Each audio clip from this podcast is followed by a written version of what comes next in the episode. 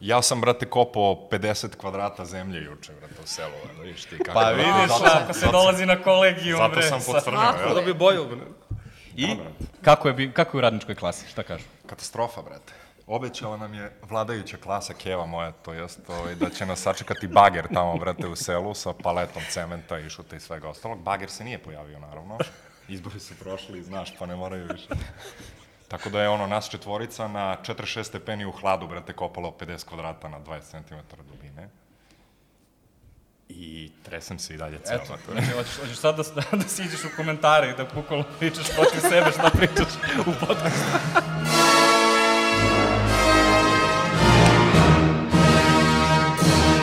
Dobrodošli na Kolegijum, jedini biznis podcast u kojem otvoreno i bez ustezanja pričamo o velikim preduzetničkim mukama, aktuelnim temama i našim greškama. Sa nama je danas Feđa Lučić, rukovodilac firme Morf za business process outsourcing, a takođe čovjek koji toliko puno radi sa Amerikom da nema srpski broj da registruje ovaj podcast.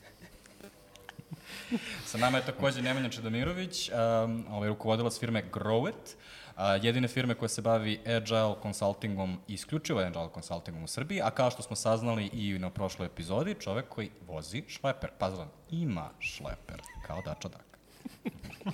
Vozi mu se vozi. Sa nama je takođe i Tanja Vasović, Chief Growth Officer u agenciji Why Not, a takođe i članica Tripin Srbija.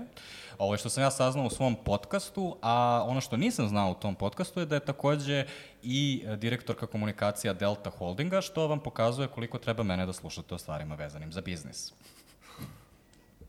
Ja sam Gornjan Kuloski, suosnivač kreativne agencije Žiška i čovek koji je posle 200 svojih podcasta prošlu epizodu izvadio pogrešne mikrofone iz kutije. Ne znam, ne znam kad sam da se smejem. Možeš kad god. Kad god, jel? Okej. Drugovi i drugarice direktori, dobrodošli i dobrodošla na Kolegijum. Ovaj, ova, ova preduzetnička muka je, uh, odabrala je Tanja, a uvodim je ja. Ovaj, naime, identifikovali smo da se pokrenuo razgovor o prekovremenom radu i sagorevanju, ovaj, kao što definitivno treba već duže vreme.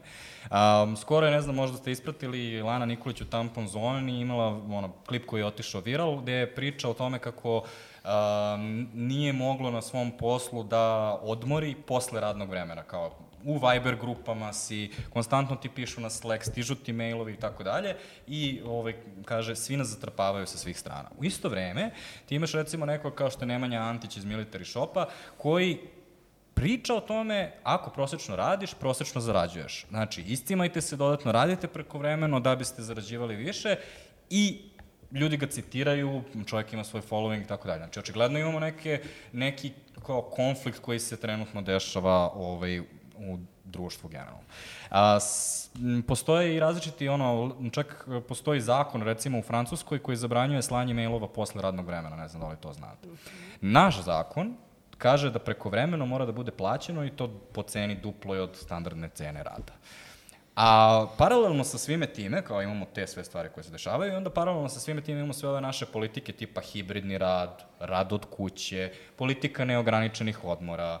I onda mi pričamo recimo na, prethodnoj, uh, na prethodnom našem podcastu, pričamo o tome kako ne zanima me odakle radiš, niti koliko radiš, niti da li si tu u kancelariji, dokle god doneseš, ono, doneseš golove, a onda to nameće pitanje, ali kao, kako onda dolazi do prekovremenog rada?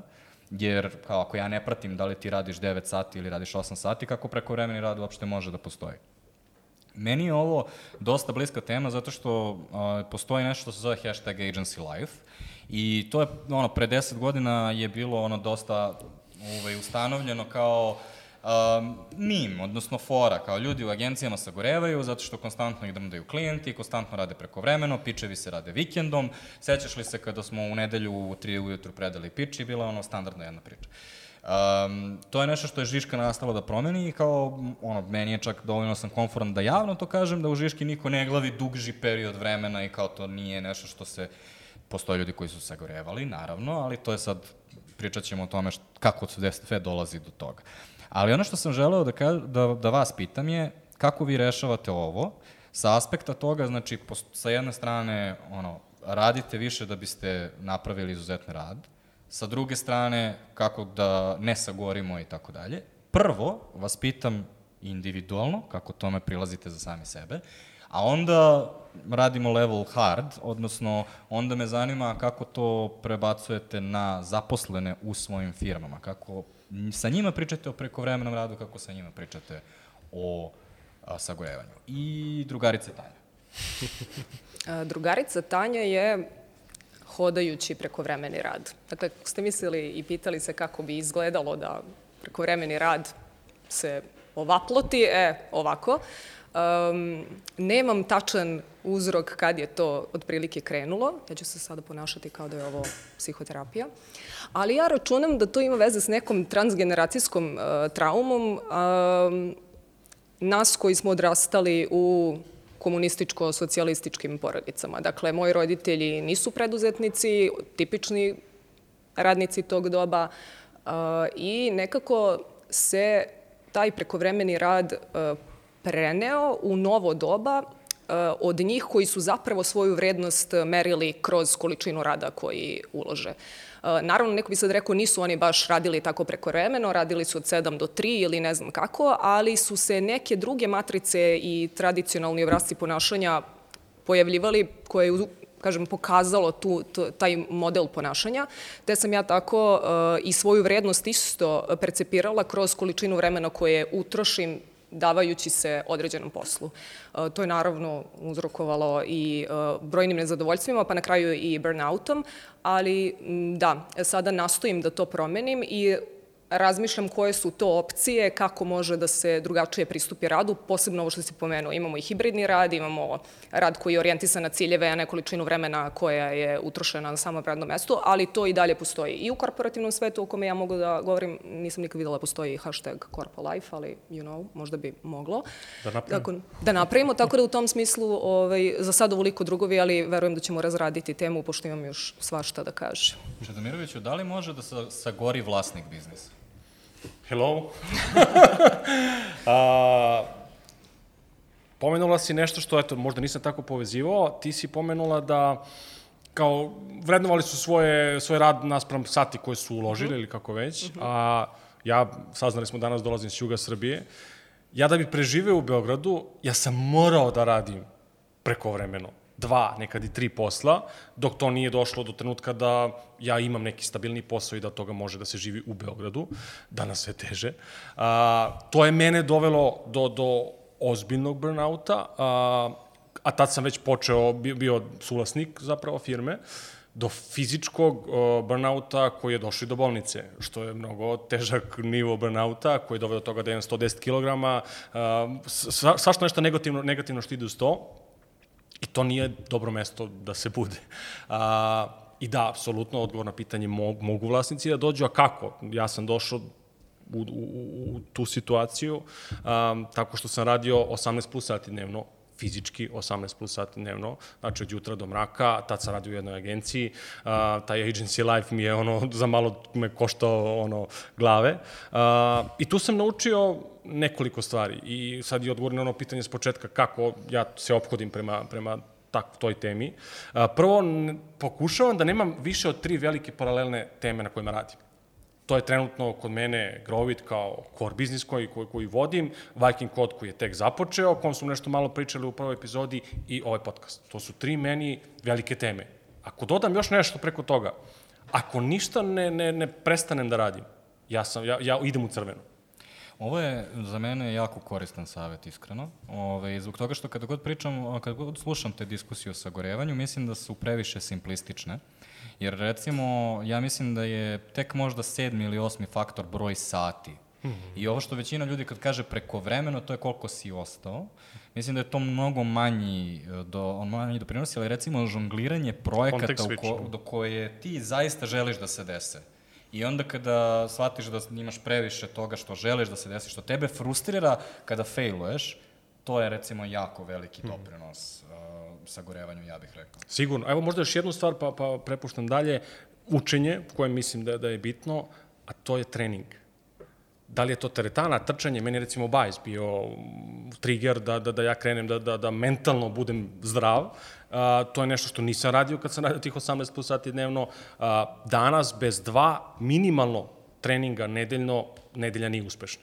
A, jer glava mi ni onda nije, nije, nisam na dobrom mestu u glavi i onda, onda sve, sve kreće od toga. Tako da to su dve... Ja te razumem, mogu da kažem opet iz svog ličnog iskustva. Meni je u jednom momentu u tom širokom obimu obaveza o kome ti govoriš, e, taj trening bio još jedna stavka na mojoj takozvanoj to-do listi. Mm -hmm. Izazivalo mi je nervozu, jer ja kao, moraš da što sad moram da idem tamo i još ta dva sata, jer ja bih sad najradije pokušala da odmorim dva sata, nego sad idem da se šta, umaram. Mm -hmm. I to je, mislim, to je ono, najobičniji dokaz da si sagoreo. Totalno sagoreo, da. Tako je.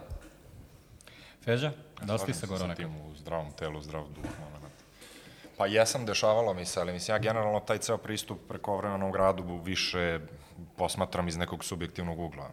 Znam ljude koji, za, koji su izuzetno efikasni sa svojim vremenom, znam ljude koji nisu, znam ljude koji su izuzetno uh, uh, otporni na, na, na ono Ali ja mislim da efikasnost, situacije. Uh, koliko si efikasan sa svojim vremenom, nema u stvari toliko, ovaj, ne, nije toliko Ali je jedan od faktora. Ali moram da ti oponiram, ja sam strašno efikasna zato što sam u tom užasu uradila mali milion stvari, zato što sam efikasna s vremenom, ali sam se iscrpela. A ja sam imao Ne, ne, ne kažem problem. ja, ne kažem ja da moment ako si ti, ne znam, da, da, da ne možeš da, iako si efikasan, da se burnoutuješ, ne, to je pogrešno razumeti, nego u smislu postoje različiti, jednostavno ljudi su različiti.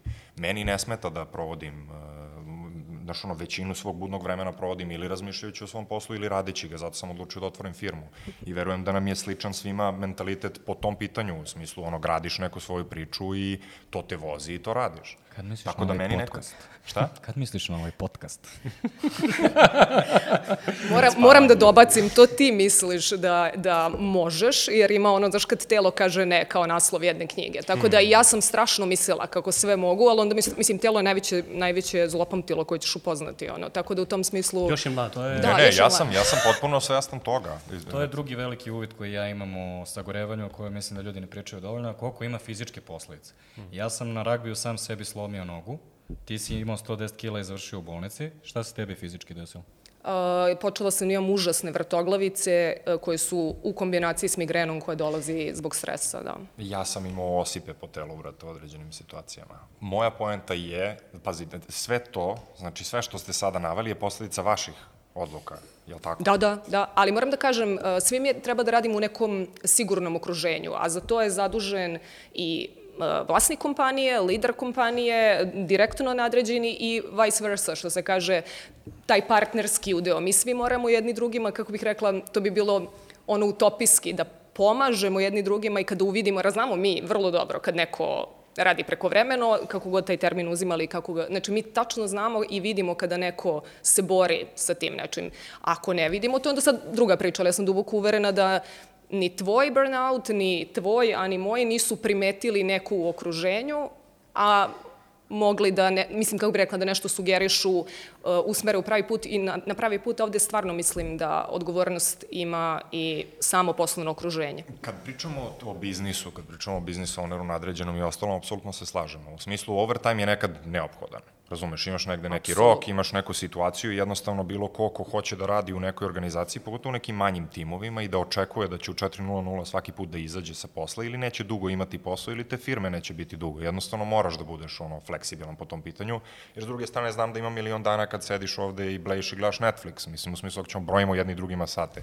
Zato se uvek vraćam na ono kao meritokratiju, u smislu, vrate, treba se uraditi to, to i to. Ovaj, jednostavno, opet, znaš, ono, postoje kapaciteti, ja neke stvari mogu da uradim brže ili sporije od tebe i ako mi treba, brate, da ostanem još dva dana, još dva sata posle, dva dana, još dva sata posle svog radnog vremena da to nešto završim. I ja sam potpuno okej okay s time, to mi je okej. Okay. Da me business owner pritiska konstantno za overtime i da uprkos količini posla koju imamo i objektivnoj nekoj finansijskoj slici koja iziskuje i opravdava dodatne ljude u timu, na primer, da ti mene teraš da ja radim overtime umesto da zaposliš još jedan par ruku, to je druga priča. I to Ali postoji nekog ličnog, znači kad polazimo od, od moja odluka da, da radim overtime, kretenski mi je da mi bilo ko tu stoji na putu. I francuska vlada i bilo ko na svetu. Či ti meni da govoriš da li ću ja radim 16 ili 23 sata. Da li ću ja da burnoutujem ili neću, zavisi od mene, zavisi od mog pristupa, balansa, ono. Ja znam ljude koji rade 20 sati dnevno ceo život. I nema burnouta jer i to je jedino što ih u životu interesuje. Kako ti sad tom čoveku da odlučiš, idi sad sedi kući, od tih 20 sati sedi 12 sati kući, zašto ti ja ne dam da radiš više? Je. Niko od, od svih ljudi u koje se mi, ne znam, uh, uh, Ugledam. Tako je. Ili generalno, znaš, ono, ljude o kojima imaš neko kao više mišljenje, Kobe Bryant, lupan. Razumeš, Bili će mi se smijati kako je. Nije živiš čovjek, ali nema veze. Druže, čovjek je, čovjek, je- čovjek je ulagao svaki budni trenutak u, u, u svoju profesiju i ono svoju zaostavštinu na tom nekom košarkaškom E, nivou. vidiš, sad si napravio, ono, to je, ja sam namjerno hteo da razdvojimo to kad si Kobe Bryant i ovo što mi radimo, i gde, ono, ti si sam sebi gazda, pa sam sebe kriviš ako sagoriš, ali, uh, drugačije je kao tebi, recimo, sad si rekao da neko u tvom timu ne, nije Kobe Bryant, kao, ni, znaš, ti si zaposleni u Morfu Da. i, ono, recimo, vidiš da, vidiš da gori, šta radiš u tom trenutku? Jel prilaziš i budeš u fazon matori, jesi okej? I oni kažu okej su, ali im veruješ da su okej? Ili razmisliš, e, jel ova osoba sad misli da mora ovo da radi zato što sam im, dao sam im negativnu evaluaciju prošli, prošli put. Nije udarila u targete, 90k, ja treba da dođe do 100k. Ja sam mu rekao, brate, udari u targete. Jel si ti onda u fazonu, pa ne li su moji targeti zaista tačni? Šta, šta radiš u tim situacijama? To je ono što je zanimljivo. Pa, case to case mi je iskreno. Znaš, ono, postoje situacije gde će me neko dođi da kaže burnoutovan i da ja mogu objektivno to da pripišem nekoj situaciji na poslu. Postoje momenti da se nosi s nekim privatnim pritiscima i uvek smo otvoreni po tom pitanju i apsolutno niko nikad u Morfu nije zvao i rekao, ne znam, lupam bolestan sam, imam problem ko, ono, na gajbi, ne znam, ili šta god, i da neko postavlja uopšte pod pitanja. Sam bude, okej, važi, vidimo se, mislim, kad završiš to što imaš da završiš. Tako da nama je generalno pristup, polazimo od nekog, iz nekog ugla, ono, kao poverenja, što kad je u pitanju ono opravdano odsustvo, to i kad, ne znam, nisam u elementu da radim ili sam burnoutovan ili nisam, slažem se u potpunosti, u velikom broju situacija ljudi ne znaju, ono, ne, ne provaljuju kad su u burnoutu ili kad provališ, tad si već zaglibio, ono, tad si već u problemu trudimo se, imamo HR tim, nazivamo se timom, komuniciramo na način na, komuniciramo, na koji komuniciramo baš da bismo umeli da uhvatimo te stvari jedni kod drugih. Kad vidiš nekoga, vidim, govori mi da je okej, ali mu vidim po izrazu lica da nešto nije u redu. Da li je privatno, da li je poslovno, ne znam, potrudit ću se oko te osobe, reagovaću na to, ovaj, ali na kraju dana postoje ljudi, mislim, koji se sa svojim frustracijama ili problemima, brate, ono, nose tako što odu na posao i prionu na posao i ono, tunnel vision. Naprimjer, ja kad imam neke probleme koje, ono, nad kojima nemam kontrolu, vatam se na ultra rešavanje problema nad kojima imam kontrolu. To mi je ono mehanizam koji mi je, ne kažem, zdrav. Kako se onda osjećaš povodom toga? Jel bili... Osjećam se kao da sam našao mehanizam za, za ono nošenje sa stresnim, stresnim situacijama. Ljudi koji će sedi kući i grize nokte, ja ću da uzem i da ne znam, ili da radiš nešto ili što ti kaže, da odem da ono, vozim bajs ili šta god. Ja mislim da je to adekvatno kanalisanje i ono, adekvatno nošenje sa stresom, a ako misliš da stresa neće biti ili da ne moraš da razvijaš mehanizme da se nosiš sa stresom i ostalo, onda, ono, ne možeš ni ovce da čuvaš, brati, to je stresan proces. Drugovi, ja moram, izvini, samo drugovi, moram da vas pitam, ali neko od vas radio u korporaciji? U onom hardcore, mislim, u, u punom značenju U korporacije. značenju, Ok, važno je... 300.000 zaposlenih. E, Zato i kažem, da, da, da, važno mi je jer da, da je odgovor ne, onda bi bilo teško da se razumemo u smislu, a, postoji jedan narativ a, jakog rada i postoji jedan narativ toga da, a, kako misliš, ideš u, na vreme, kući, ne razumem. I to nema veze sa, uh, sa o, tom, ono o čemu ti pričaš. Stvarno da ne, ono, molba je da ne, bana, ne banalizujemo te stvari, znam da nisi Naravno, hteo, naravno. nego samo hoću da kažem, ovde je reč o toj Pa usudit ću se, kažem, podmukloj kulturi, to je slon u sobi. To postoji. Nemaš ti mnogo tu, kako bih rekla, osim ako nisi, uh, ako nemaš socijalnu, emocionalnu inteligenciju, da se ti praviš da to ne vidiš. A svako ko ima, jeli, ko je razvijen u tom smislu, primetit će to i ti možda u nekim godinama e, zapravo ni ne umeš da se boriš protiv toga ako je borba uopšte opcija, nego ti jednostavno to prihvatiš kao Modus kulturu, znaš da. ono, kad neko kaže ono, ovo je ovaj hor, u ovom horu se tako peva, pevaš ili ne budeš tu. Ali mi se čini da je to dosta uh, nekako zaveštanje ono liderstva 20. veka. A uh, vi sad svi ovde pričate iz nekih startapa, agencija, sve je to nekako živo, da. uh, onako vibrant, no što bi se reklo, a korporacije su dosta trome, koliko god one bile kao, mm, ne znam, uh, moderne ili kako god, to je onaj veliki kruzer, vole ljudi da kažu. Znaš kao, znaš kako je teško kruzeru da se pomeri. I, znači, ono, zaglavi su u Suetskom kanalu. Tako da u tom smislu, da, pa molim te, Pa, ovaj, mislim- neki jug Srbije sad nešto kaže. Ukrala si malo pre sam teo da napravim foru da li je bili Kobe Bryant ili ne, ali sad propade, tako da ne, nećemo, nećemo. Izvini, izvini. A Bio si džentlmen. A, pazi, ja sam radio u korporaciji skoro tri godine, a, ogromnoj svetskoj korporaciji. Deset. Deset, ok, im, imaš više iskustva. Ako je bitno, ali a, da. A pazi, evo, evo jed- jedan moj uvid. A, da, postoje, ali bih rekao, odeljenja, ne, ne čitave korporacije, ti pričaš o toksičnim, o toksičnosti Mhm. kulture, a, koje te teraju na taj način da hasluješ i preko vremena Da, da, i tako hustle je dalje. najjači, da. Ali hustle više ja viđam iz ugla velikih korporacija, korpo, a, konsultantskih korporacija, poput McKinsey-a, PwC-a i ostalih, Aha, gde je to BCG. kultura PC, BCG i koliko mm. god. A od ovih, da kažemo, po znacima navoda normalnih korporacija, pazi ja šta vidim, uviđam da većina ljudi ne da ne radi 8 sati, nego ne radi ni toliko. Uh -huh. A, dakle, koliko god bila kultura tog haslovanja, mali procenat, procenat ljudi toliko hasluje u Živi, korporaciji, živi. Ali samo da vam objasnim, u smislu, ako ja mogu nešto da objasnim, uh, krije se u tome, ko je, neko je pomenuo sad, drugovi moji, um, to je način da uspeš prosečno, radiš prosečno, zarađuješ, znači, e, to je jedini način u tom okruženju da napraviš iskorak. E sad, je li to stvarno jedini način? Evo ti, moj, moj hot Nisam take. sigurna. Uh, e sad, većina zaposlenih su primadone. Šta to znači? To, evo, ja sam vlasnik firme, to slušat će i moj, čuće to. Okej, okej. Smatram da većina zaposlenih u bilo kojoj firmi će preda kuka više kada je teško, a da zaboravi sve one momente kad je lako, kad su pikovi dole, kad je januar, decembar, avgust, kako god, kad se ne radi maltene ništa, a čim malo pređe crta iznad, odma, odma svi kukaju. Moje mišljenje, možda zato što dolazim iz Juga Srbije, što sam morao da haslujem, ali moj stav je, ako hoćeš te iznad prosječne plate, koje su iznad 2, 3, 4, 5, 6 hiljada evra mesečno, to ne možeš ako radiš samo od 9 do 5. Ja ne znam koja je to firma i koja je to korporacija, manja, veća, startup, gde ti radiš od 9 do 5, imaš svoj work-life balance, 5.00 odem i radim potpuno nešto drugo što nema veze s mojim poslom i da očekujem veliku nagradu aj na, na kraju dana ili kako god na kraju meseca. Osim, ne moraš ti sad da haslaš 15 sati dnevno, ali odeš kući pa pročitaš neku knjigu o toj temi u kojoj radiš, pa poslušaš neki podcast koji, ili recimo Žišku koju Goran vodi, pa naučiš neke pametne stvari, ali to moraš vikendom, to moraš posle radnog vremena, e tada možeš da očekuješ nešto više iznad prosjeka. Sve ispod toga, nažalost, ajde reći ćemo nažalost, ne možeš da očekuješ neke velike plate. Meni to nije ni nažalost, brate. Baš ovo što si rekao, uopšte nije ni nažalost. U smislu će po, prosečno radiš, prosečno ćeš da dobiješ.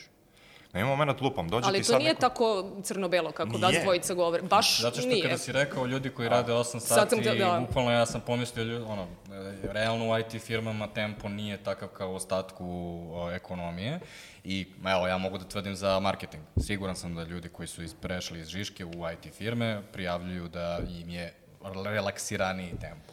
Znači, nije tačno da je uvek nagrada. Znači, menjajte propor- industriju. Da, to smo već prokrili, svaki put mi to kaže. Nego, moja poenta Pa taj je- argument ne važi.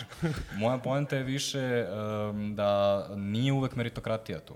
I ovaj, ne, nećeš uvek imati to da, ono, U bablu okej, sam, priznajem, u si, bablu ali sam. ćeš dobiti veću platu. Ne, nije uvek to, nego je više ta kultura o kojoj Tanja priča. Kao, Mm. kako se svi oko tebe ponašaju.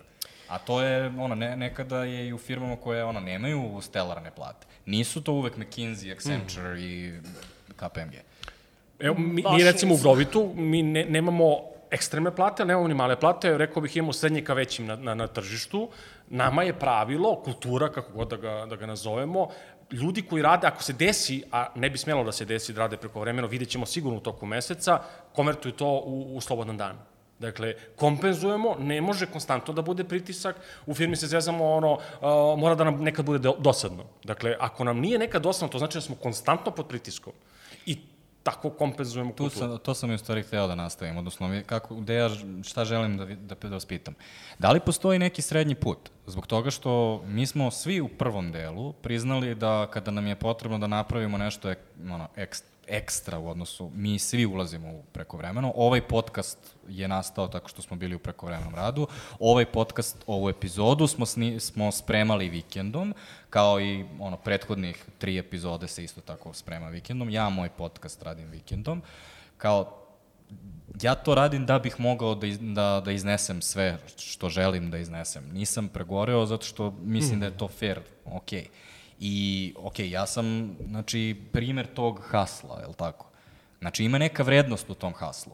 A sa druge strane, ti si upravo sad rekao, ok, ti čim se potrudiš, ja te, ja te vratim u taj prosek. Ti do, konvertuješ to u slobodne dane. Ali postoji neki srednji put. Kako možemo da dobijemo i poruku treba haslati, ali takođe da imamo i ono, nemoj da pregoriš i ovaj, ono, brigu za ljude. Pa ne znam da li je to srednji put, evo kako mi radimo sad, evo vi, vi mi recite da li je to dobar ili nije dobar put. Uh, mi ćemo by default, ono, ne znam koja je srpska reč, ono, po, po default, Po automatizmu. po automatizmu, Nije ni to naše, da, da. Ali dobro, to je pozemljenica, molim te. Da. A, po defaultu ćemo ljude da, da teramo da konvertuju dane u slobodne dane ako rade prekovremeno. Zašto? Pod broj 1, zato što a, ne rade za prosečne plate, za malo iznad prosečne ka većim. Dakle, ko je okej okay s tim? A dobar deo ljudi je okej okay s tim imaće vrlo lep work-life balans, ali neće dobiti ono, ono maksimizaciju neku ako se previ, previše potruduje o kojoj pričamo. Kako to kompenzujemo? Tako što imamo, mi to zovemo sateliti, hoćeš u okviru Grovita, da kažemo, te Grovit nekako podrži, a da ti imaš ekstra profit na svoju platu, ok, smisli neki projekat koji je karikiran sad, novi agilni podcast, Može, radi ga, mi ćemo da podržimo nekom opremom ili šta god treba, ali to radiš u svoje slobodno vreme. I sva, sva zarada ići će preko toga tebi, koliko god da bude, ali to mora da se radi u slobodno vreme. Zašto? Zato što dnevni biznis ne može da trpi, gde tu, ti, tu dobijaš platu koja je iznad proseka, nije najveći. I to je negde mehanizam kako mi, eto, ajde da kažeš da li je to srednji put ili nije, tako mi radimo. Ali nije novac ni jedini ono pokretač ljudima, Nije, posebno, mislim, sva istraživanja koje sam ja gledala i koje su mi služila i ranije u mom radu su pokazivala da su prosto neki drugi uh, ono, razlozi zašto ti ostaješ u određenim sredinama, zašto si voljan da nekada radiš prekovremeno, ovo što si rekao, zašto radimo prekovremeno, zato što ili u tome uživamo ili u tome vidimo neki viši cilj, nebitno neki novac, samo hoću da kažem, ajde da i njega stavimo po strani. Ono što može da bude neki srednji put, a koji sam ja iskusila, uh, jeste uh, okupljanje tima koji ima sličan pogled na, na posao. Znači, to ne znači jednoumlje, nego samo znači mi znamo šta su naši ciljevi i kako da njih možemo da dođemo i samim tim, kako bih rekla, u tom mom utopističkom uh, liderstvu, koje, kažem, jako sam sreća što sam iskusila, pa znam da može, više nije samo u knjizi Simona Sinika i sličnih, može uz dobro birane ljude uz adekvatan, koliko god to zvučalo kao klišeirano, timski duh i razumevanje šta je zapravo potrebno da bismo uh, uspeli. Ali to ne može da bude zauvek štit od onoga što sam rekla, kada postoji jedan opšti, jedno opšte okruženje, uh, bude, bude teško da se izboriš na, Pa na samo taj šta način. je sa, sa tim pristupom? To, to je, u, ajde da kažemo, u teoriji, bar ja što sam video, a, u praksi je, zavisi u kom životnom dobu je taj tim ili ti ljudi. Mm -hmm. Doći će deca, doći će žena, doći će život, udarat ćete život jako gde koliko god neko bio i hasler i uh, proaktivan i hoće da se cima, on ima zid. I onda ti pa, pa, pada u vodu taj moment i onda moraš ponovo da, da, da se dobijaš kako ćeš. Pa dobro, da... to je u redu, to je neka, i neka obaveza lidera koji je li, rukovodi nekim timom i daje viziju ili kako god. Druga stvar, isto htjela sam se nadovežem, toliko mi se ne sviđa taj termin work-life balance, zato što sugeriše kao da nas ima dva, dve varijante, u smislu i jedno i drugo.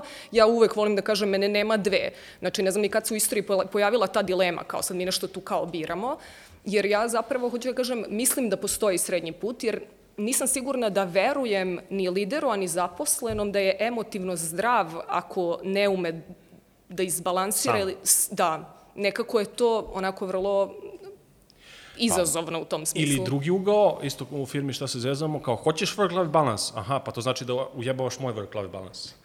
Jer ako neko hoće svoj, znači mora da ima ono što Feđa priča malo pred neki dva sata mora se odradi, ako ti u 4.00 ideš kući, pa to mora padne na nekog drugog i onda automatski... Pa, tako je, otuda i ono, biraš ljude balance. sa kojima radiš, jer ovo je, ovo nije stvar ni biznis ponašanja, ovo kao nisi lepo vaspitan, kao, znači, to, kao... Ja iskreno u svom ono, okruženju očekujem ljude koji će zajedno, što ti kažeš, ono, imamo neki zajednički cilj, cilj različiti pristup i što više različitih pristupa, ali zajednički cilj. I ovaj, uz taj zajednički cilj očekujem i neku dozu posvećenosti. Mm -hmm. Znači, ako ćeš da ideš u 4.00, idi super, ali ako ćeš da ideš u 4.00, ne znam, nije završeno sve to što treba da se završi i ti ladno odeš, nema problema, mislim, u smislu, ono, ugovor tvoj ispoštovan, ti si otišao, završilo ti se radno vreme, ali ja tebe, ja s tebi neću okrenuti sledeći put kad mi bude trebalo nešto bitno. I to nije kazna, nego ja ću se okružujem ljudima na koje mogu da računam, ljudima koji će u trenutku kada je bitno da zagrizu i da povuku koliko god sati je potrebno, isto ko što ja za njih to stalno radim, jel me razumeš? I u tom smislu, ovo što ti kažeš, isto mišljenici po, po, po pitanju samog pristupa poslu. Jer ako ja na tebe ne mogu da računam da ćeš da iskočiš, mislim, iz, iz svoje komfort zone da pomogneš, onda ti nisi za ovaj tim, onda ovaj tim i ova ekipa ne mogu da postignu ono što smo zacrtali da postignu. Ako ti meni dođeš i radiš kao agent za, ne znam, platu od 1000 evra, I onda dođeš i posle godinu dana mi kažeš ja hoću sad 1200 evra, da stavimo po stranu, ne znam, inflacije i tako te gluposti. Moje pitanje tebi je šta ti radiš dodatno za tih 200 evra? Ti si dalje support agent, i dalje radiš unutar svoje smene i to je to, ali mi tražiš još, ponavljam, stavljamo po, stranu, po strani inflaciju i ostalo, nego tražiš neki progres, a s tvoje strane progresa nema u suštini. Razumeš, da li ti možda bolje hendlaš, ne znam, klijente, klejmove, ovo ono vrlo moguće i to se vidi na ono kao nekim reportovima i ostalo, ali na nivou makro, ono makro nivou biznisa ti si i dalje, mislim, na toj poziciji, ti dalje doprinosiš na potpuno isti način, ali tražiš da budeš veći trošak, tražiš da naše margine profita pomeramo, da novac koji je možda namenjen za dalji razvoj biznisa ili da nagradim nekoga ko radi 20 sati nedeljno, 20 sati dnevno za što hoće ili kako god. Znaš, ono, tu po, povlačim crtu jednostavno razumeš me, ono, a ti firma i tim će da rastu sa ljudima koji su spremni da se iscimaju da bi firma rasla. Work-life balance kao takav je meni subjektivna stvar. Meni je work-life balance 70% posao, 30% zajebancija. U ovom trenutku, prošle, pretprošle godine to ne znam bilo 50-50, to je jednostavno ono kao živa stvar koja se mi pomera zavisnosti od milijardu faktora, pomenuli ste par samo, mislim, od svih faktora koji postoje. Ali, ali ne može ovaj, bude nula, o tome da se možeš, radi. Da, i mislim da, ali opet, da, da, da, I opet ne mogu, mislim da ne možeš na, na ono kao da, da, da napraviš formulu da taj problem rešiš. Mislim da je i da stvar, opet mislim počinje od tebe. Koliko god poslodavac, ne poslodavac bio ovakav ili onakav, opet gledamo realno razvoj privrede u odnosu na ovo što ti kažeš, ovaj, kako su naši roditelji radili i onoga gde se sada nalazimo, ti objektivno možeš da nađeš posao. To se vidi iz CV-eva koji su puni sa 12 pozicija od 2021. do danas, Či očigledno ti nikakav problem nije da, da, da zapališ iz firme i da nađeš novi posao. Taj korpo život i korpo moment u giga korporacijama nemam iskustva, mislim, na tom nivou, ali na najveć, u najvećem broju slučajeva ti možeš da napustiš posao i nađeš drugi, šta više, do te mere ti je to pristupačno da su malo i uobraženi kad je u pitanju ceo naš radni kadar. Može, ja samo podsjećam, zato sam i rekla, postoji nešto što stvarno nije sad poša reč, postoji transgeneracijska trauma u kome to jeste, izgubit ću ovo, izgubit ću ono, bojim se zbog ovoga, bojim se za onoga i to neko, mahom zvuče kao izgovori, ali u principu nismo mi algoritam na taj način, pa si sad ti 1 plus 1 jednako 2. No, nego je ume da bude nezgodno, a kažem, opet važno je okruženje i mislim da svi u tom okruženju imaju odgovornost, posebno, mislim, kad se već frljamo terminima lider i ostalo, ne, nisu svi rukovodioci lideri, tako da u tom smislu je i to nezgodno. Ok, ako ne umeš da se baviš ljudima, onda nisi lider i moraš, imate svi odgovornost da prepoznate, ja nemam svoju firmu, ali vi imate, imate svi odgovornost da prepoznate prepoznate kod vaših ljudi e, šta se s njima dešava i da gajite kulturu koja da može da se prizna da ti je sad nešto teško i da vidite taj neki zajednički mehanizam šta je vaša ta skala, je li ovo objektivno, je li nije ili kako god. I mislim da se to gradi opet zapošljavanjem ljudi kojima možete da verujete. Znaš, kao često pitaju kao koji su stilovi liderstva, ono meka, tvrda, moć, nema, pa kako, meni je to čist bullshit. Znači, moraš da imaš poverenje, to je jedini stil liderstva koji moraš da gajiš, sve ostalo je, kako bih rekla, put u propast. Sjajno si sve sumirala, ja bih samo još jednu stvar dodao, to je pre nego što ovaj, imaš očekivanja od svog poslodavca, menadžera, lidera, šta god on bio, da se bavi tvojim psihičkim i fizičkim zdravljem, prvo ti moraš da ispuniš apsolutno, taj moment.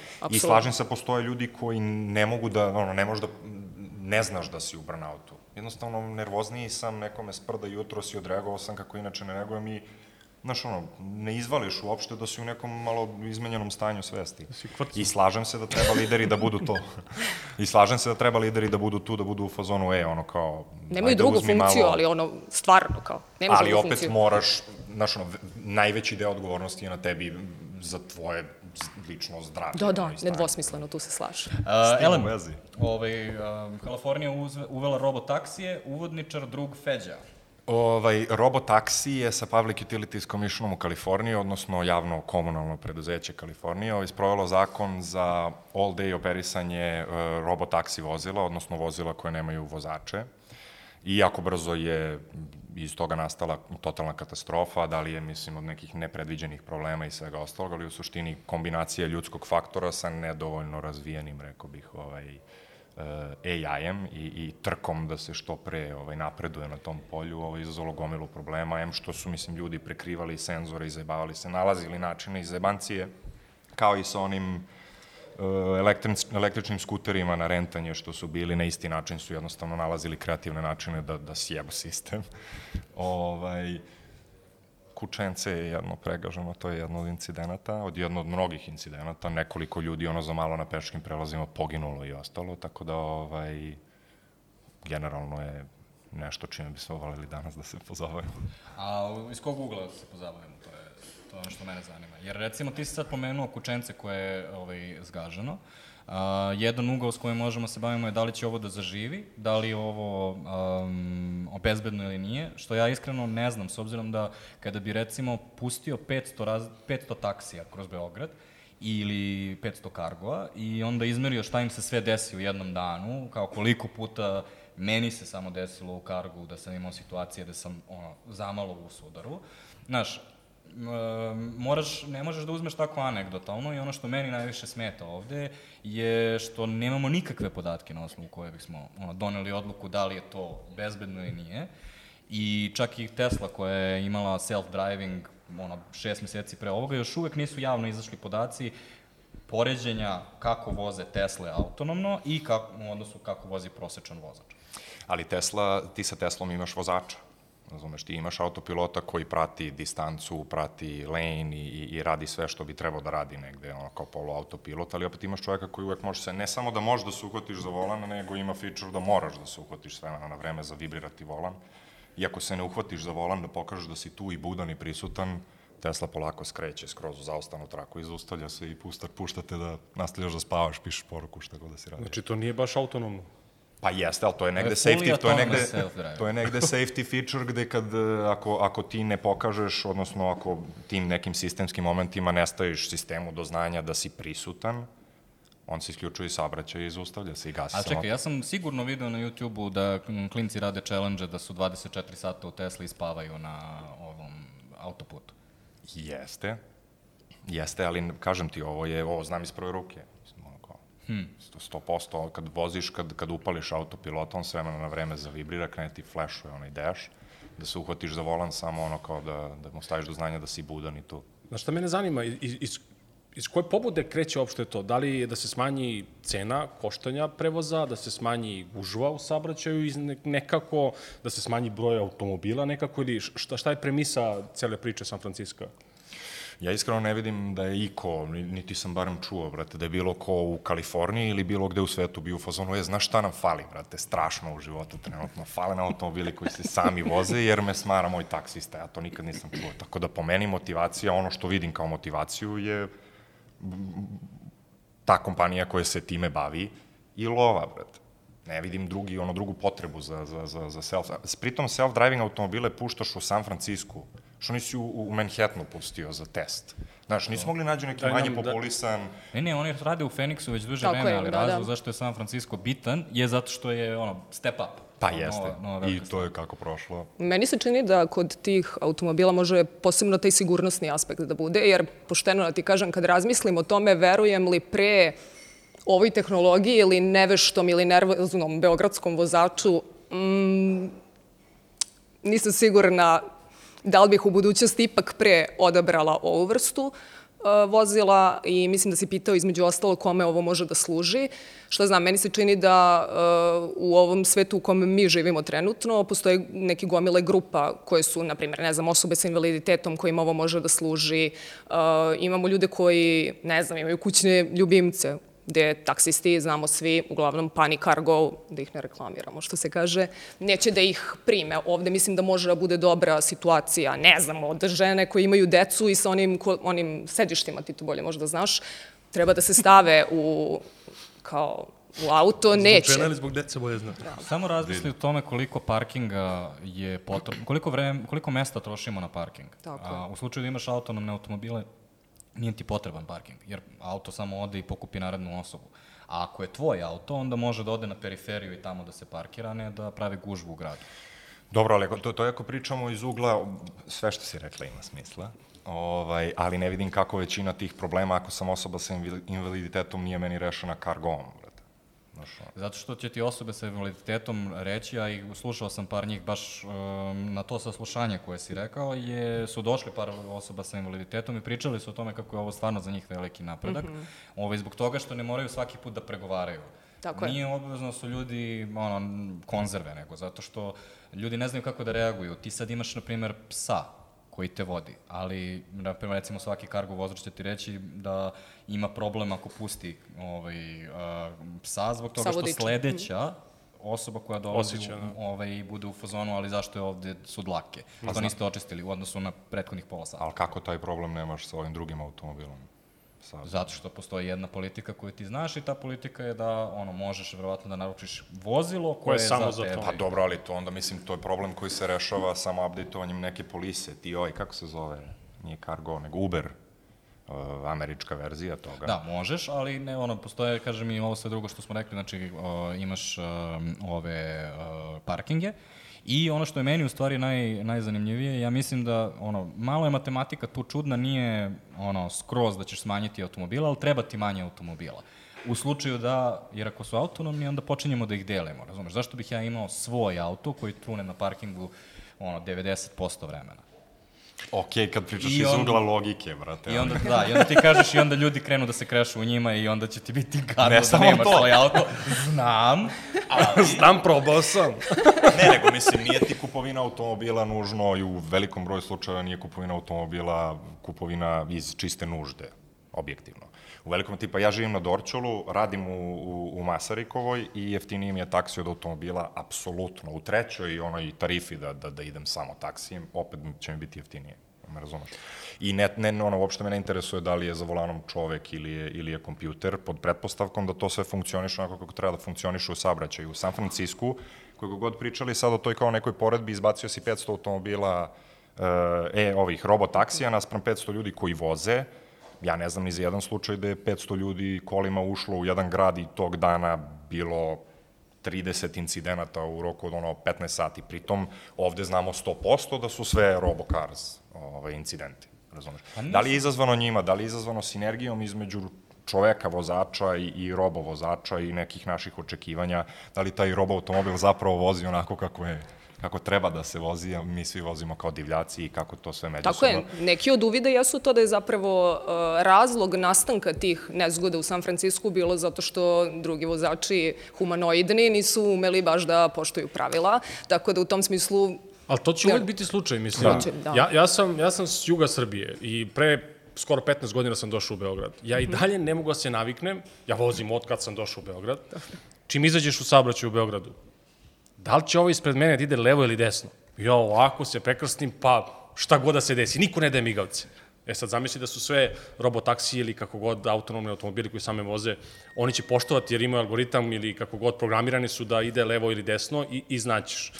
trenutno su programirani da budu extra careful, odnosno da paze šta ćeš ti da uradiš i da ostave dovoljno mesta i zato i upadaju u probleme. Recimo, njihov glavni problem je ako treba da se uključe, na primjer, na Slaviju. Neće nikada da se uključuje. Da, zato što čekaju do besvesti da ih neko pusti, kao ono, ta, zato se dešavaju te um, ono, gužve u saobraćaju koje oni kreiraju i tako dalje. Ja, ja sam, Ali, pitanje je sledeće, ako je pod pretpostavkom da je jeftinije i bezbednije, pošto ako nije bezbednije, onda se, mislim, cela ova diskusija totalno obrće, jer ako nije bezbednije, mislim da niko živ neće. ja mislim da je baš bezbednije. Ali ja, ono, zamisli da je sa, koliko je sada bezbednije i zamisli ono što uvek kažu proponenti tehnologije, to je zamisli za 10 godina. To je drugo. Za 10 godina možemo pričamo o tome. Ali kao, Kako da testiramo ako, da. mislim, sad pa ne nemoj pustimo. testiraš u San Francisku, iskreno. Znači, ovo je baš očigledno preuranjen test, ljudi. Brate, pričamo o nekom safety momentu, brate, pregaženo kuće. Za malo pobijeno 15 ljudi tog dana na pešačkim prelazima, nema se zjevati. E, to je sad, ja, baš mislim, problematično. Drugo, ovaj moment, izvini samo, ovaj moment koji si pomenula, a to je da li bi radije sa nervoznim taksistom u kargo ili bi Neveštim. radije da te neveštim, nervoznim I- i neveštim, šta god,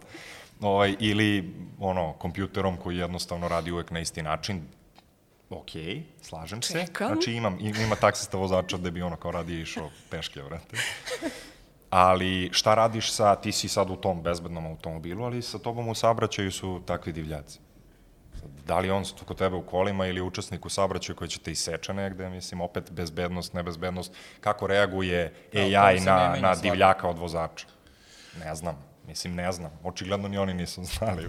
Ajde, možda nismo za, za ovim stolom to pokrenuli, ali ajde, negde nas smatram rukovodiocima, kako reče drug Goran na, na početku, neko ko vodi neke firme i ko u suštini i treba neke inovacije da dovodi u našim firmama za početak.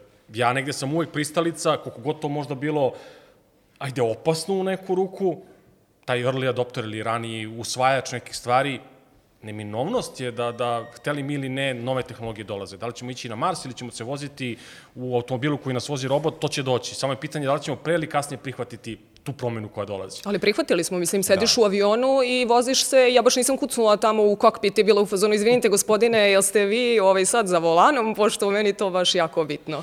Tako da u tom smislu mislim da smo pokazali već neko poverenje ka tehnologiji u tom smislu, a moram samo da se nadovežem, lepo si rekao da si s juga Srbije. Meni se čini da je ova tehnologija sjajna za ruralna područja, po tim ne mislim da si ti iz ruralnog područja, Ja nego iz obilaženja Srbije znam koliko to može da bude stvarno korisno. Da prevozite ljude, a ako ono što idem detaljnije u priču, u smislu pogotovo u Srbiji u kome je stanovništvo mahom starije, može da bude onako jedna, jedna lepa priča koja će omogućiti normalno funkcionisanje brojnim ljudima koji to u ovom momentu ne mogu, tako da Što više, ja bih išao i korak dalje i rekao bih, auto, na autoputevima apsolutno nikad nisam vidio nikakav problem. U smislu, otvoren put, nema pešačkih prelaza, nema, nema ovaj, e, bože me sačuvaj semafora.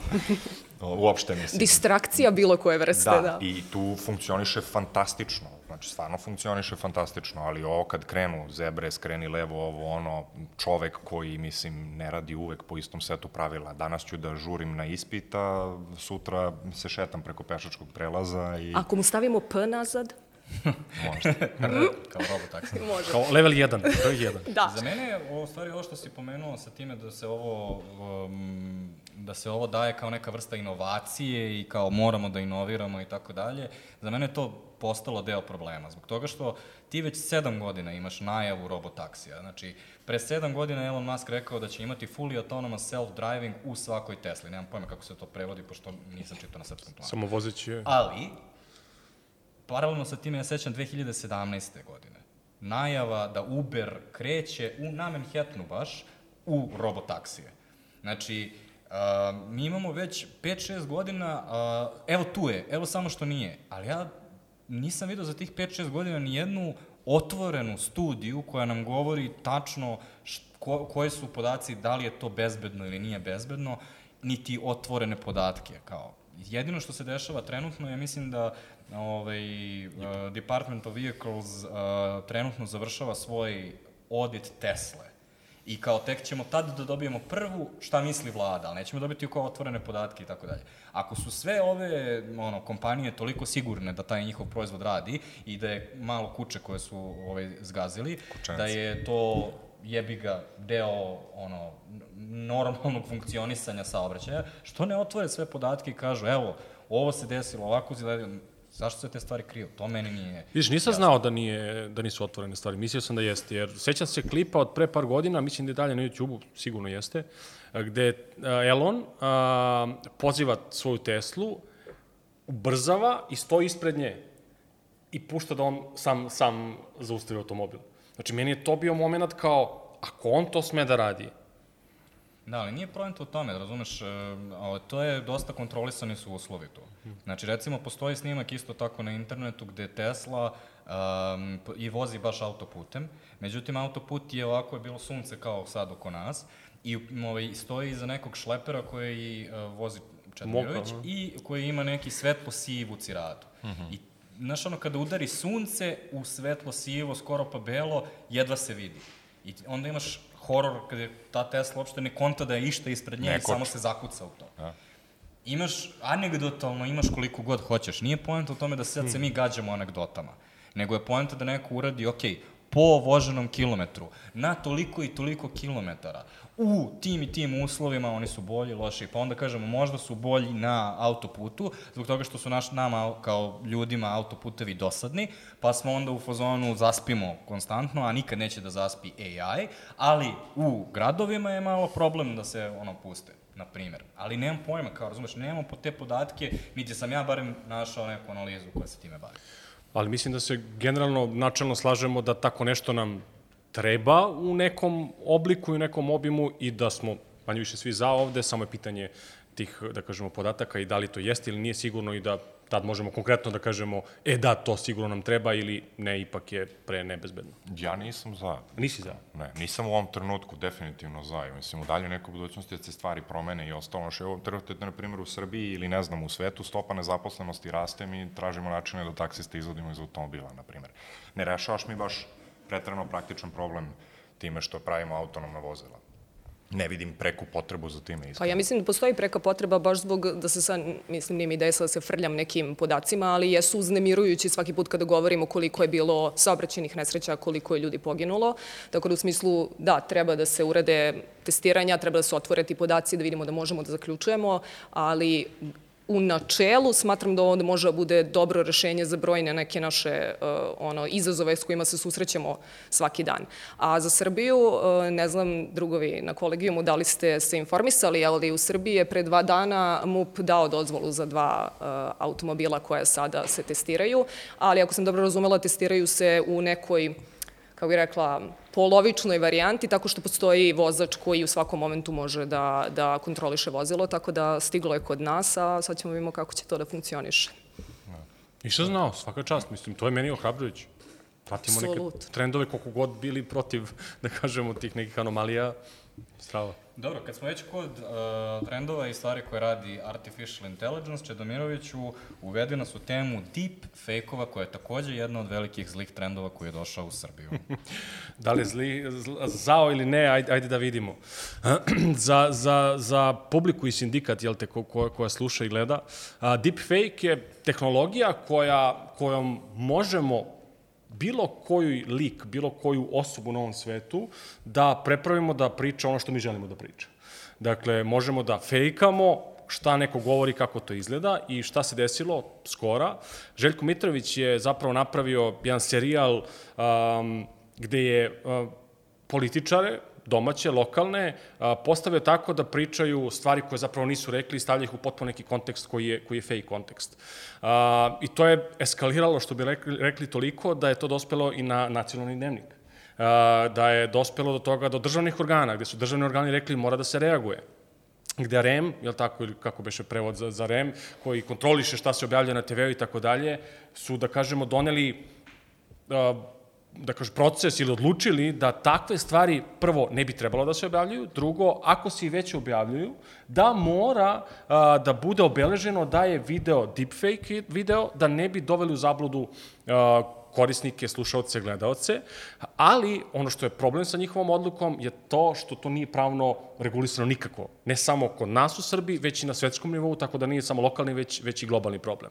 E sad, ja se tu pitam, a, da li je takva tehnologija i takav vid sadržaja ok ili nije ok, ili apropo malo pređašnje priče, je opasno ili nije opasno puštati u etar uh, sadržaj koji može da bude jako brzo izmanipulisan i da neko i ne skonta o čemu se, o čemu se tu zapravo radi. S jedne strane, a s druge strane, da li postoje neke pozitivne stvari u, u celoj toj priči, da li možemo tu deepfake tehnologiju da iskoristimo u neke dobrotvorne ili humanitarne ili dobre svrhe, a da nije samo, samo negativa. Pa ne znam, šta, šta, šta kolegu misli na, na zadatu temu? Ja sam moralno zgrožena. Molim objašnjenje.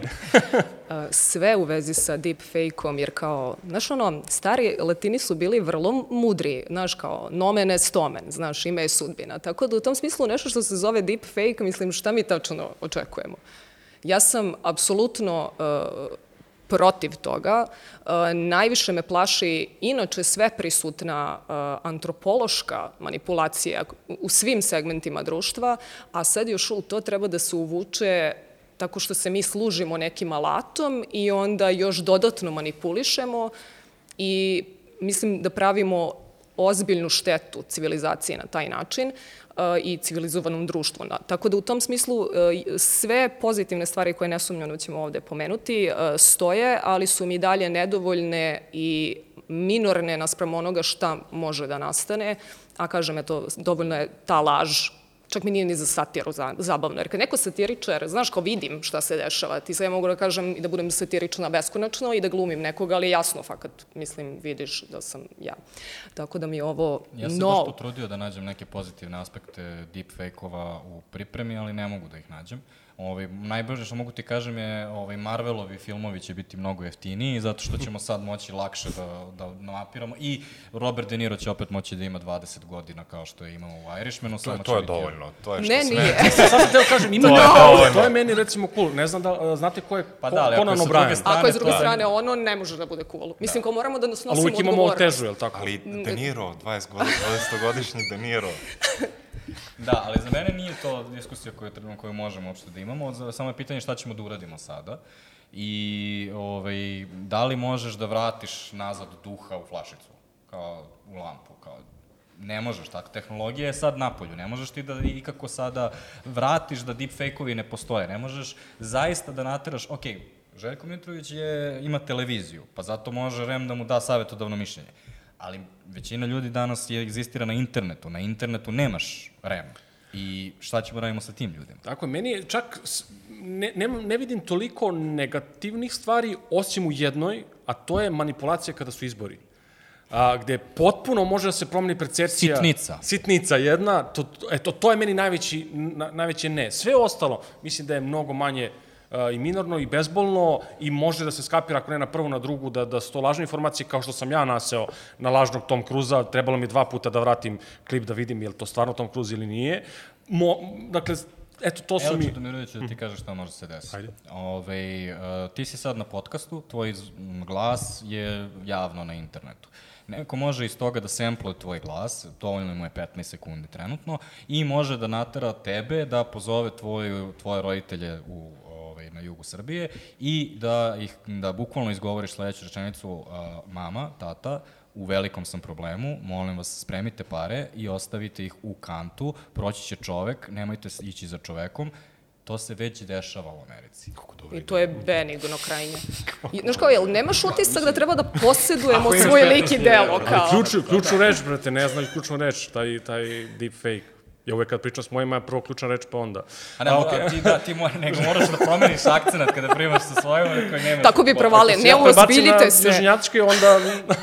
Uozbiljite se, ne ozbiljno, ali ti Ne, stvarno jeste, misliš da, da, kao čekaj, želim da imam apsolutno ono de facto i de jure svoj lik i delo, ono. Ne, ne želim da neko može da manipuliše time na... Uopšte me, nije, uopšte me ne interesuo finansijski, nego na bilo koji način, znaš kao, meni je moj integritet važan, ono, važna A- mi je moja Jel reputacija. imaš i- Facebook, TikTok? Imam sve. Znači, I sve kontroli, informacije ali imaju- kontrolišem šta tamo stavljam. To ti misliš da kontrolišeš. Ali... Ne, ne, ne, ja sam s tim okej šta sam stavila, ali nisam okej da neko to izvrne manipulativno, da je to zvučalo ovako ili onako, ili ne da Bože do još gorim ono, situacijama i scenarijama se pojavi moj lik i delo. To je, meni je to nedopustivo i nisam sigurna da imamo tu vrstu svesti, inače razvijenu kao civilizacija, da možemo da se zaustavimo, jer pokazalo je da ne možemo. Mislim, od najbanalnijeg, ono, najviše su profitirali porn sajtovi, zato što lepimo ono, svakoga s kim inače ne možemo da imamo bilo kakve intimne odnose, pa ni druge, i sad smo kao super, tako da to deluje malo bolesno. Ono, Razumem, psihoterapija. ali mislim, ajde, ajde ovako perspektiva, ako to regulišemo pravno, ako je regulisano, je li vam okej onda tada? Jel, društvene mreže je, nisu da. bile regulisane do, kad su krenule, je li tako, pa se GDPR i to Mhm. nije ni postojalo, mogo si da radiš šta hoćeš, mo, mogo sam da se zakačim na Wi-Fi, uzmem tvoju šifru pa da radim šta god hoću. Sad imamo neke mehanizme kako da dođemo do istine ako se desi neka, neka stvar koju ne želimo. Da li deepfake, ako stavimo u regulativu i ako neko manipuliše da zloupotrebi moj lik i delo na neki način, ja mogu da dođem do neke pravde, da li bi onda to bilo okej, jer onda dobijemo neke druge stvari koje su nam da kažemo, benefit. Reći ću ti nešto što mi je rekao Bosanac sa Tarzanije pre 10 godina kada sam, ga, kada sam mu tražio da skine jedan post okay. koji je bio spuf naše kampanje. Džaba ti ba, prošao ti share. Znači kao nema, ono, nema toga ko će da na internetu sve traje jedan dan. Ne, ne postoji državni organ koji će da, organ, da, da reaguje na jedan dan i da za jedan dan i da tebi zaista ono, nadoknadi štetu koja ti je napravljena u trenutku kada nešto izađe. Pa ne vidim nikada, ne znam, Ne postoji, dana, u, ovom, u, ovom, u ovom slučaju nije šteta materijalne vrste, može da bude, ali nije. Postoji stvar koju više kako da ne možeš da ispraviš ne, i obeležava ti se život na bilo koji način, gde ti sad moraš nešto da se objašnjavaš, znaš, stalno će to da stoji kao neki crv, ono, kažu, ono, posle tri dana sve prođe, ne prođe. Ja, ja bih samo da, da odigram jednog džavljeg advokata. Gledali smo svi ovde Tinder Swindler, da? Ni, ne, ja. Postoji jedan lik koji catfish, na, na, na ke, recimo Catfish, da? Dakle, nema deepfake-a, tu nema jaja. Mi smo ili su žene davale sve informacije i plaćale sve što je ovaj lik tražio bez ikakvog deepfake-a i svega. Ali čemu onda dodatan alat koji samo to još može da ono, napravi ozbiljan horor?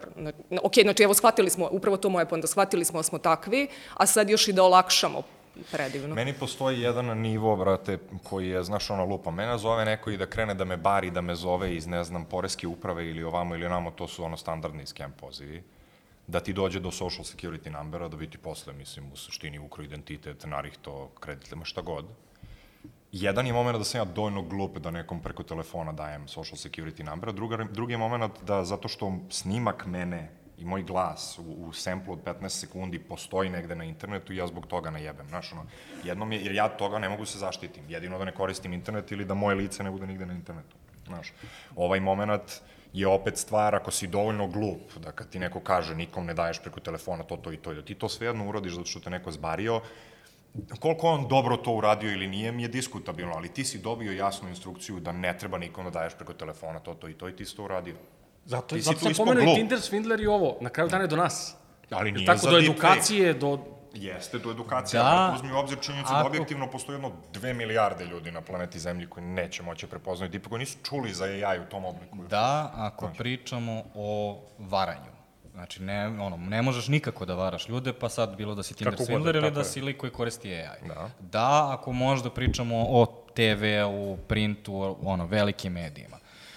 Ne u slučaju da si na internetu i postoji onaj chapter, zaboravio sam koji, na koji se stalno pozivaju sve društveni, svi društveni mediji koji kažu mi nismo vlasnici podataka koji su na našem sajtu, u smislu šta god neko, ako Čedomirović nešto objavi, to je Čedomirovićev problem. Nije moj kao Twittera zato što si ti tweetao gluposti.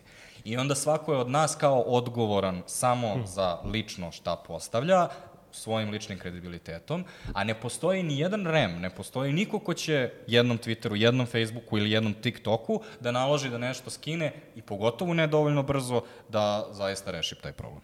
I ono što se onda dešava je, da li ste čuli za izraz post istina?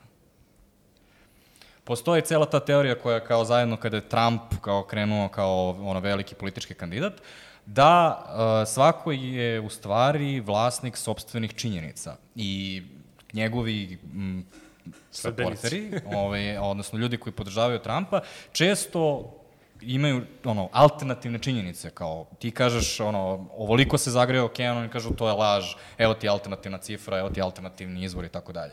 Mogu da idu veoma daleko u sve to. To je ono što će nas sačekati zaista. Mi ćemo zaista imati na internetu nećemo znati kome da verujemo u budućnosti.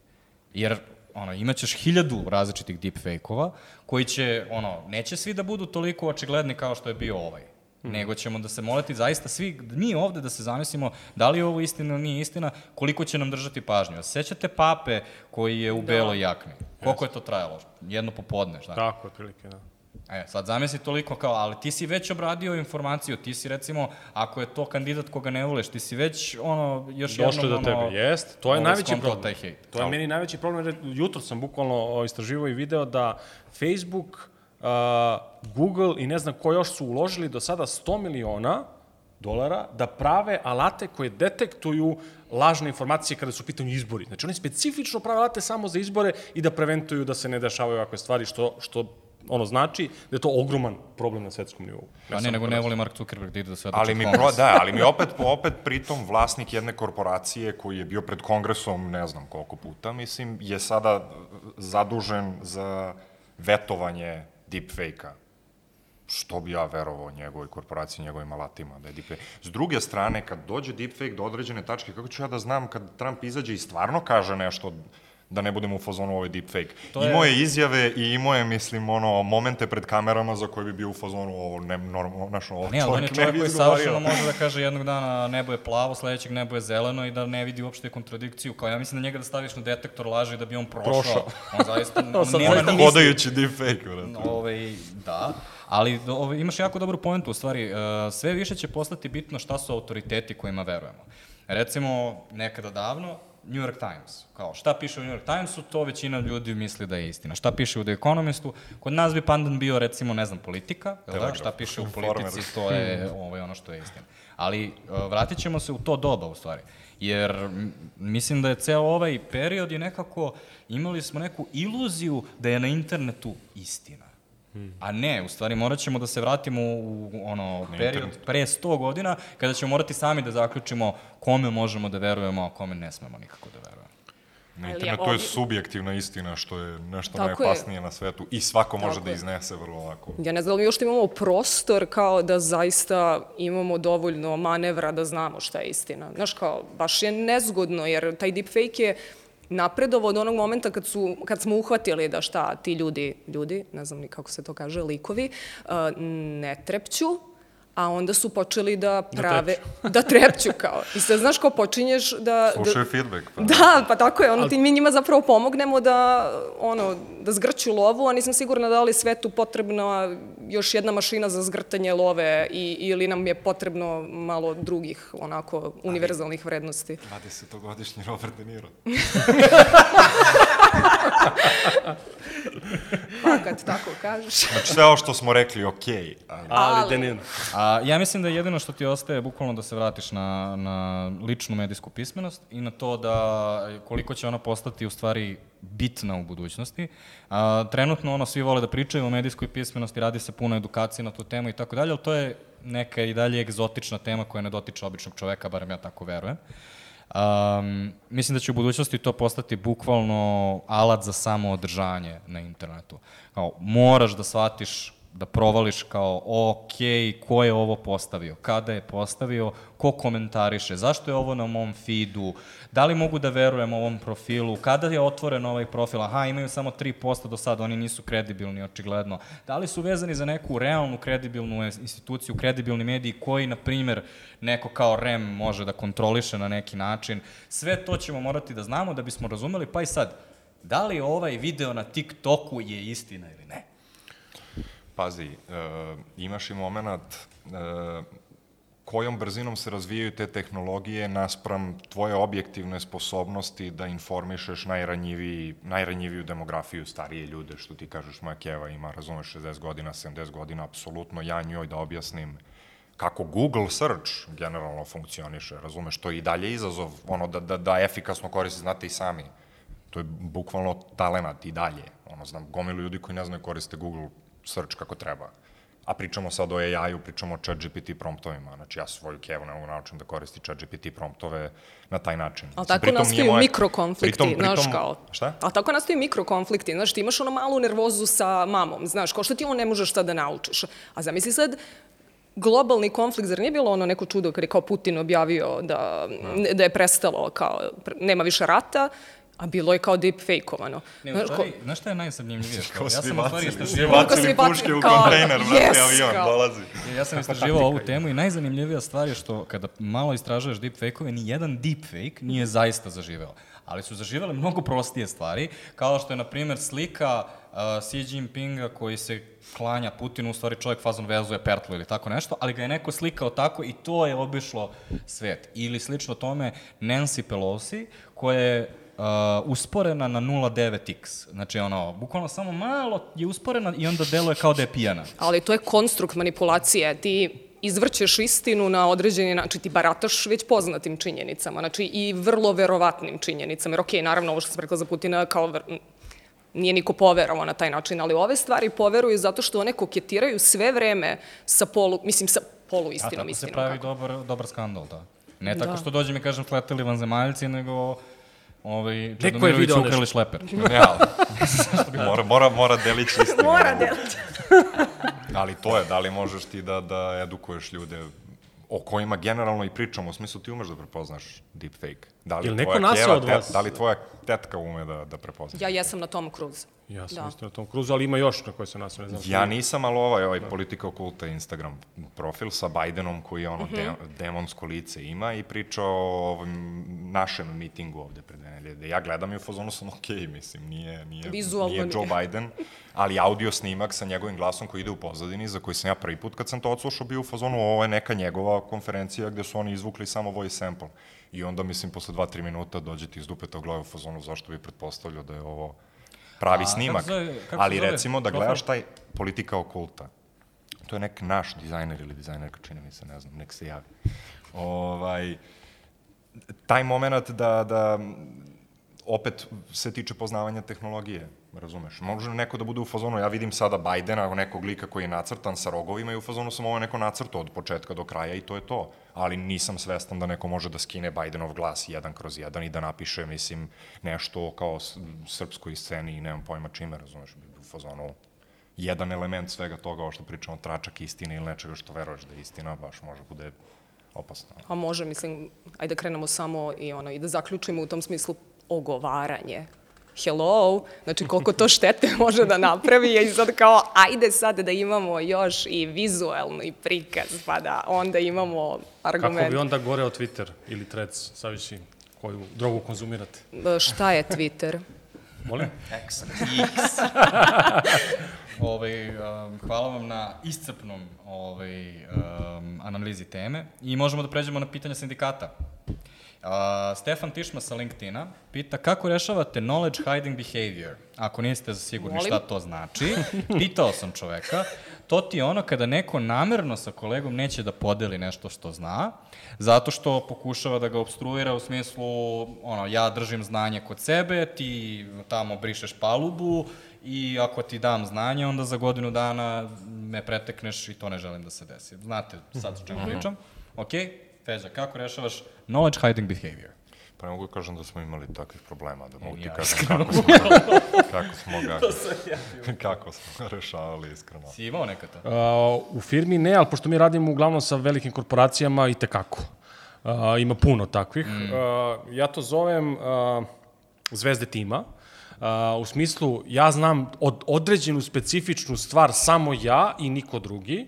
Ja tu uvek postavljam perspektivu šta će se desiti Žiko, Miko, Pero ako te lupi autobus.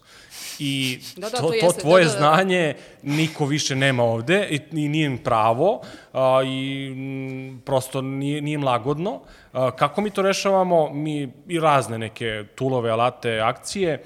Jedna od su mentorske sesije, dva su, mi to zovemo community of practice, odnosno uh, jednom ili dva, jednom u dve nedelje ili svake nedelje to specifično znanje se deli sa celim timom.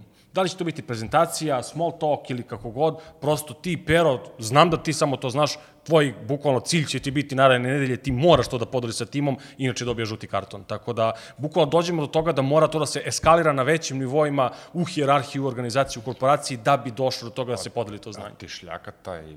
Jedan kroz jedan. Stvarno. Apsolutno. Ja, mislim, ja kad bi bilo kom ovom rekao u fazonu moraš da ga naučiš sve što To ti zna, sad da ono- bi ga izminirao najstrašnije. To brate, ti je sad izvina. ovo korporativno iskustvo koje dru, drugačije Da, funkcioniše i ovo, je, ovo imam ja, znači doslovno nemam šta da dodam to što si rekao i osim žutog kartona, dakle šmrk i operaš niz ulicu.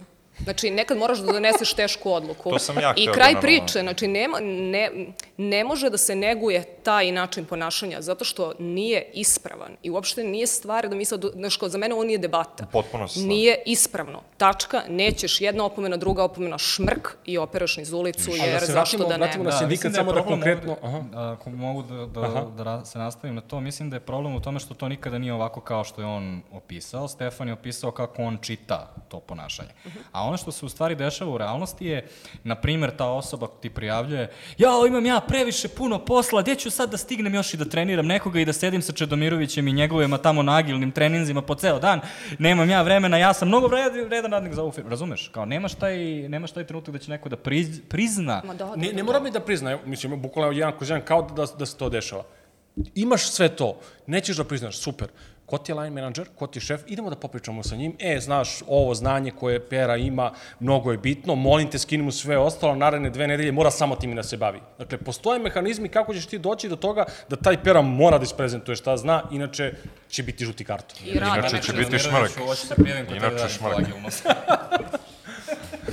Ako to možeš da uradiš, super. Elem, a, drugo pitanje sindikata koje smo izdvojili je Vuk Stanković sa YouTube-a koji um, ušao je u diskusiju sa Čedomirovićem.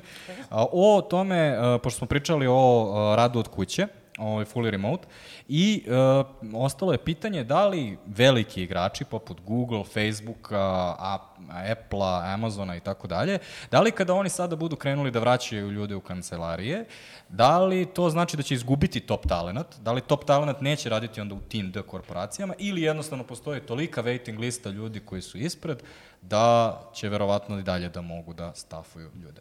Feđa, ekspert za američke biznise. Porotnik. To ne sme da se kaže. Uh, obrišite ovo, molim vas. Pa rekao bih da, da, da ono kao jedno i drugo. Znaš, u, u, u nekoj meri sigurno da imaš top talenat ovaj, u, u, u, u Google-ovom ovaj, zaposlen za, za, za Google koji ima, znaš, ono, nalaze se u situaciji da će dobiju ili već imaju aktivno dve, tri ponude u datom trenutku i ovo i ono i da nađu ponudu koja im više odgovara ako ta ponuda podrazumeva remote rad i ostalo. A onda i sa druge strane prilično sam siguran da postoji jedno 450.000 ljudi koji stoje ispred njihove zgrade spremni, od kojih je verovatno dobar procenat izuzetno profesionalan. Nemam pojma, ali pretpostavljam, ono kao Google je u pitanju, prilično sam siguran da imaju problem sa nalaženjem kadra, znaš.